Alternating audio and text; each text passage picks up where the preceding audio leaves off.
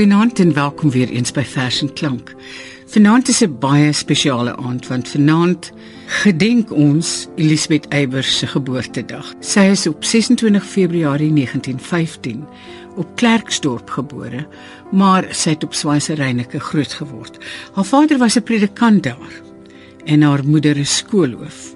Had sy nou nog gelewe, sou sy dus môre 99 jaar oud geword het.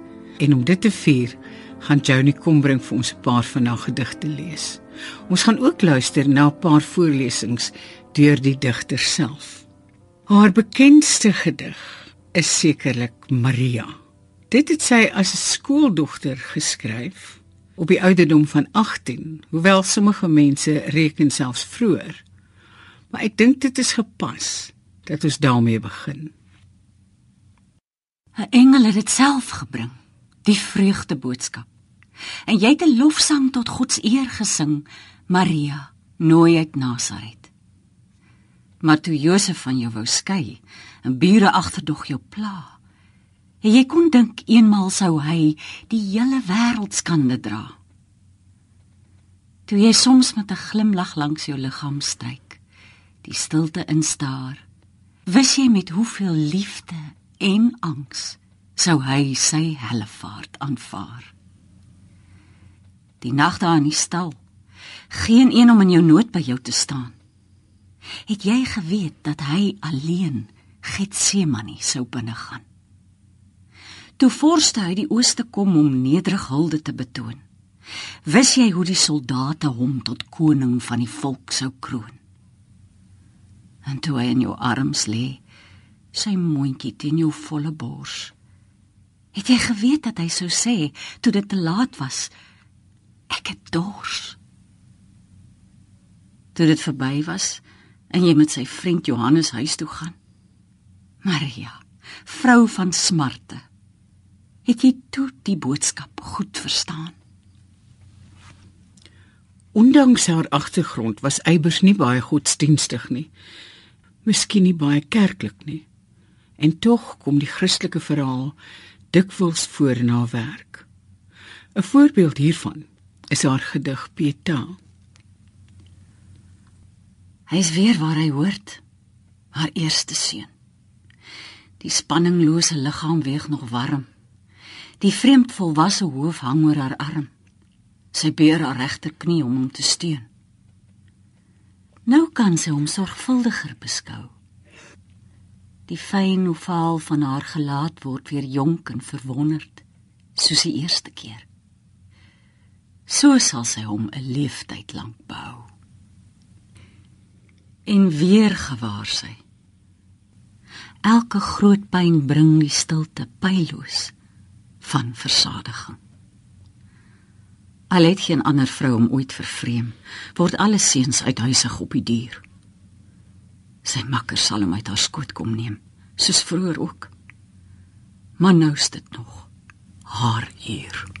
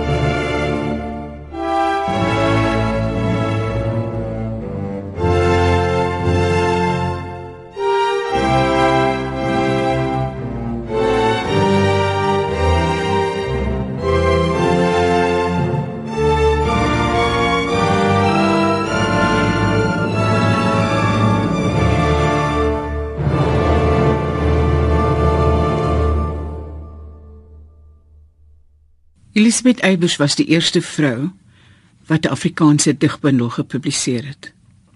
Sy was ook die eerste vrou wat die Hertzogprys ontvang het. Sy het dit twee keer ontvang. En sy was die eerste Afrikaanse vrou wat gedig het oor die gewone dinge van die vrou en moeder, die daaglikse moeite met die lewe en pyn en liefde. Sy het op 'n keer gesê: "’n Geslaagde vers vereis geen verduideliking nie. 'n Swak vers kan nie goed gepraat word nie." Na haar egskeiding vertrek sy Nederland toe. Haar plan was om 'n jaar of 2 daar te bly en dan terug te kom, maar uiteindelik het sy dekades later daar gesterf. Kom ons luister hoe lees sy self die eerste gedig wat sy in Nederland geskryf het.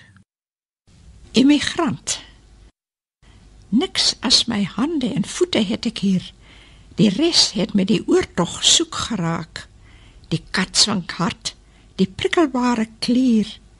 Wat moet mens bovendien met hulle maak? Om wat verlore is te vergelyk met die omringende, om klank en lig te gryp sonder te luister of te kyk, het ek tog nog sintuie aan my gesig. Ook aan my bors en buikruimte gewaar ek dat daar vroeër wel iets anders was. Wie het geweet dat leegte ooit so swaar sou word en onbelemmerdheid so las. Sy was 'n toegewyde moeder en grootmoeder. In die moeder skryf sy oor die geweldige band tussen moeder en kind. Die vreemde oorsprong van jou lewe het soos lig deur 'n kristal deur my gevloei in al die maande toe ek een was met die stil geheim van jou verborgde groei. En nou kan niks ons skei. Want is jy nie afhanklik en gebonde aan my bloed wat met sy onbegryplike chemie jou wonderlik gevorm het en gevoed. En of die uur ver en vergete word en of die jare tussen jou en my al seile span, die see sy golwe stort of selfs die dood sy somber baken steek. Nogtans sal jy aan my gebonde bly met die onsigbare naaldstring wat nie breek. Sy skryf ook oor die frustrasies van 'n digteres as huisvrou. Altyd 'n besem iewers teen die muur, maaltye nooit op die gepaste uur. Agendalose dae wat deur sy leeg hardnekkig en skaars doelbewus beweeg. Strykgoed wat moedeloos oor 'n stoel hang. Gebare sonder afloop of aanvang. Ou briewe onbeantwoord, die mekaar. Papiere en pille in een laai opgegaar. Dankbaar om haar in jou groot hart te strek. En tog verknog aan haar klein skulp omtrek. O ordende teevoeter, Wees gewaarsku. Stuur haar liewer na haar lees. Elisabeth Eybers het ook gesê dat 'n vers nie gemaak word nie. Dit word gebore. Luister na die blyflike vers, klein belade.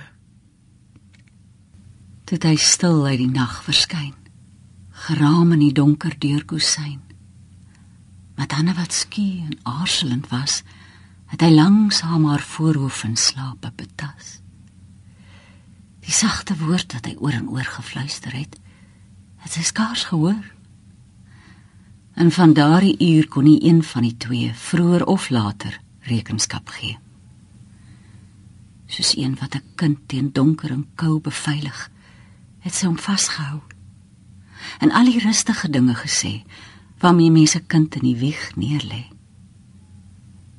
maar hy het 'n diepe sug geslaak en sy liggaam van hare losgemaak.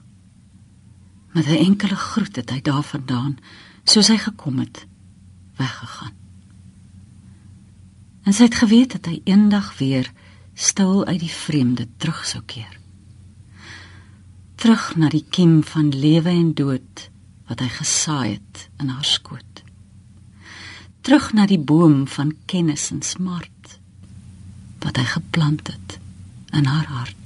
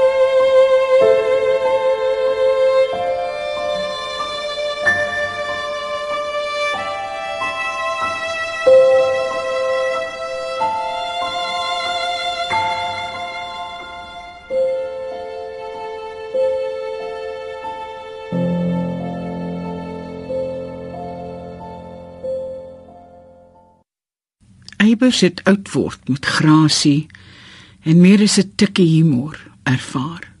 Hier is haar pragtige vers, Deesdae. Die muse skyn my deesdae te vermy.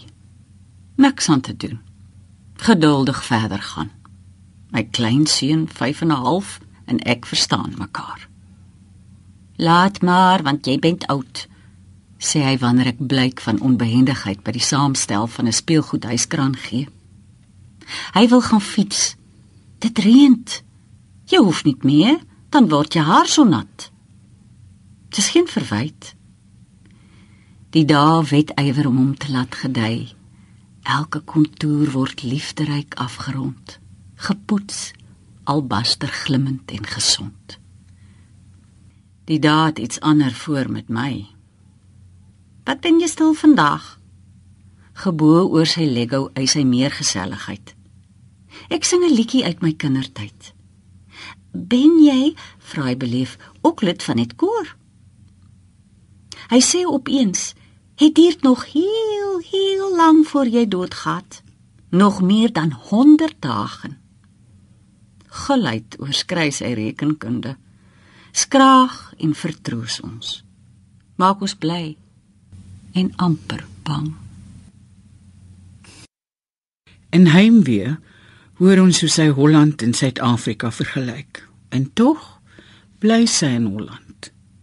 Heimwee 'n Huis is iets wat teen 'n helling staan, deur son gekonfronteer aan elke kant.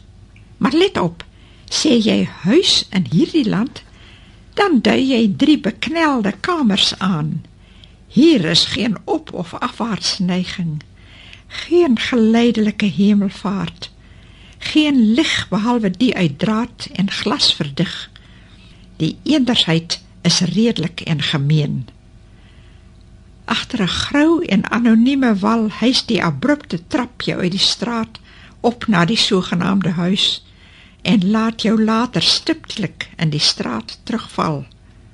Nooit wesenlik, alleen kineties mag jou hartritmiek jou ribbehok wat hyg die dodelike waterpas ontstyg terwyl jy knutsel aan 'n nuwe dag. Haar werk is nie wat tale vertaal en dit het haar nie altyd veel vreugde gegee nie. Johnny Kombrink lees vir ons by die Duitse vertaling van enkele van my gedigte.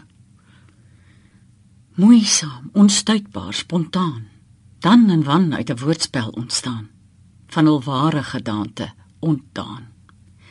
Die weerkaatsing op glimmender vlak, waarteenoor ek nie weet wat betaam, spreek my nou salwend aan. Sien daar jou taal, steeds Germaan. Op gebied van vervoeging 'n wrak met vernufryke ondergrond, verbaster en kerngesond. Word erken as 'n wettige tak. Deur streng medeklinkers voltooi, met speksel gesis ingesmeer. Hoofletters mild rond gestrooi, op sy nommer gesit en vereer. Vind jy dit nie verrassend mooi? Hierby lê ek my aarzelend neer.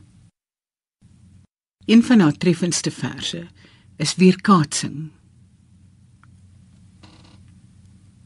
In die windlose wasige vroegoggendlig staan die bome op die oorkantste wal in verleë afsydigheid gehul.